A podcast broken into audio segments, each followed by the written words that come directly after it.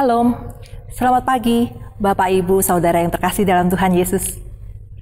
Puji syukur jika pagi hari ini kita telah diberikan hari yang baru, hidup yang baru. Hari ini mari kita awali segala sesuatu dengan duduk di kaki Tuhan Yesus mendengarkan firman-Nya, supaya sepanjang hari ini kita selalu dalam tuntunan Allah. Mari kita berdoa. Bapa yang baik, kami mengucap syukur jika pagi hari ini Engkau telah memberikan kepada kami kemurahan dan hidup yang baru. Kami mau serahkan hari ini awal, tengah, akhir, dan pinantan kuasamu. Kami percaya akan kedaulatanmu. Kami percaya hanya Engkau satu-satunya yang kami andalkan. Hanya Engkau satu-satunya yang dapat kami percaya. Terima kasih ya Bapa. Dalam nama Tuhan Yesus kami berdoa mengucap syukur. Amin. Tema hikmat pagi hari ini adalah Allah Roh Kudus selalu terlibat. Ayat bacaan diambil dari Yohanes 14 ayat 16 yang berbunyi demikian. Aku akan meminta kepada Bapa dan ia akan memberikan kepadamu seorang penolong yang lain supaya ia menyertai kamu selama-lamanya. Demikianlah firman Tuhan, syukur kepada Allah. Bapak Ibu, saudara-saudari, sobat-sobat muda, oma opa yang dikasihi Tuhan. Seorang bernama Roy B. Zack menyatakan bahwa Christian education is unique. Pendidikan Kristiani adalah unik. Dan keunikan pendidikan Kristiani tersebut setidaknya terletak dalam tiga hal. Yang pertama adalah keunikan subject matter atau keunikan muatannya yang adalah Alkitab sebagai tulisan yang diilhamkan oleh Allah. Mengajar Alkitab adalah dasar pembelajaran, bukan sekedar memindahkan pengetahuan tentang Allah, tetapi lebih membawa murid ke dalam hubungan secara pribadi dengan Sang Firman yang hidup itu. Firman Allah itulah yang akan menolong murid mencapai tujuan pembelajaran. Keunikan yang kedua yaitu keunikan goal atau tujuan yang harus dicapai. Tujuan yang harus dicapai di dalam pendidikan Kristiani adalah spiritual transformation atau perubahan rohani. Mengajar Alkitab bukanlah tujuan akhir, tetapi menjadi cara untuk mencapai tujuan.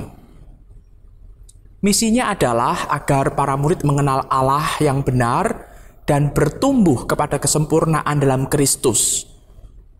Inilah yang disebut sebagai proses transformasi, yaitu sebuah proses di mana murid dibawa untuk mendengarkan firman yang hidup sehingga imannya terus bertumbuh dan kemudian dituntun untuk taat kepada Allah sebagai bentuk kasih dan pengetahuan secara pribadi akan Allah.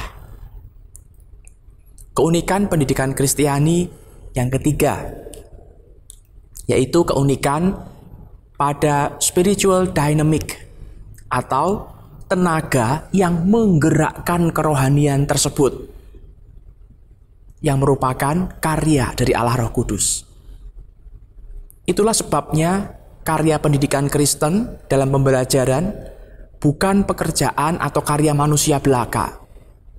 Allah Roh Kuduslah yang menolong, memenuhi, menuntun, mengajarkan, menasehati, mengaruniakan, karunia mengajar, karunia menyatakan firman-Nya.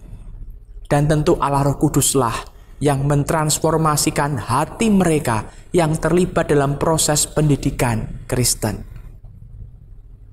Bagi para pendidik, spiritual dynamic harus terlebih dahulu hidup dalam hati dan pikiran mereka melalui kehidupan yang bergantung pada Allah. Hidup dalam doa yang tekun, kesetiaan merenungkan firman Tuhan, dan berbuah dalam segala perbuatan yang baik. Tugas pendidikan Kristen adalah mengajarkan murid melakukan segala sesuatu yang telah diperintahkan Tuhan Yesus kepada kita semua. Maka Allah sendiri terlibat di dalamnya dan Kristus pun telah menegaskan di dalam Matius 28 ayat 19. Dan ketahuilah, aku menyertai kamu senantiasa sampai kepada akhir zaman sebuah tanggung jawab sekaligus anugerah yang besar bagi setiap pribadi yang dipanggil untuk menjalankan misi memuridkan jiwa-jiwa ini. Pendidikan Kristen bukanlah pekerjaan manusia belaka, tetapi ada peran Allah Roh Kudus di dalamnya. Oleh karena itu, mari libatkan Allah Roh Kudus, mohon pertolongannya agar karya pendidikan Kristiani yang kita kerjakan baik secara pribadi maupun sebagai gereja Tuhan, maupun sebagai sekolah-sekolah Kristen, boleh terus berjalan dengan baik seturut kehendaknya. Mari berdoa. Bapak di surga, kami bersyukur pagi ini firman-Mu mengingatkan kami bahwa di dalam menjalankan karya pendidikan Kristiani, ternyata itu bukan semata-mata kekuatan kami, kerja kami, tetapi Allah Roh Kudus ambil bagian di dalamnya, sehingga pendidikan Kristen ini boleh terus berjalan dengan baik dan dapat mentransformasikan kehidupan banyak orang, semakin mengenal Engkau dan menjadi berkat bagi dunia ini. Mampukan kami untuk selalu melibatkan Roh Kudus di dalam setiap karya hidup kami termasuk ketika kami melakukan karya pendidikan Kristen, ketika kami ambil bagian dalam pelayanan pendidikan Kristiani.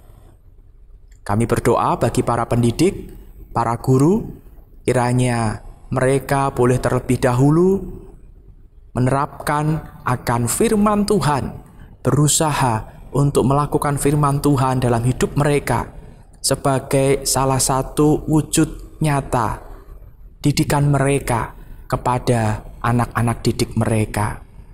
Contoh teladan yang baik bagi anak didik mereka. Kami mohon berkatmu di dalam menjalankan aktivitas kami, pelayanan kami hari ini. Di dalam nama Tuhan Yesus kami berdoa. Amin. Selamat pagi, selamat berkarya. Tuhan memberkati.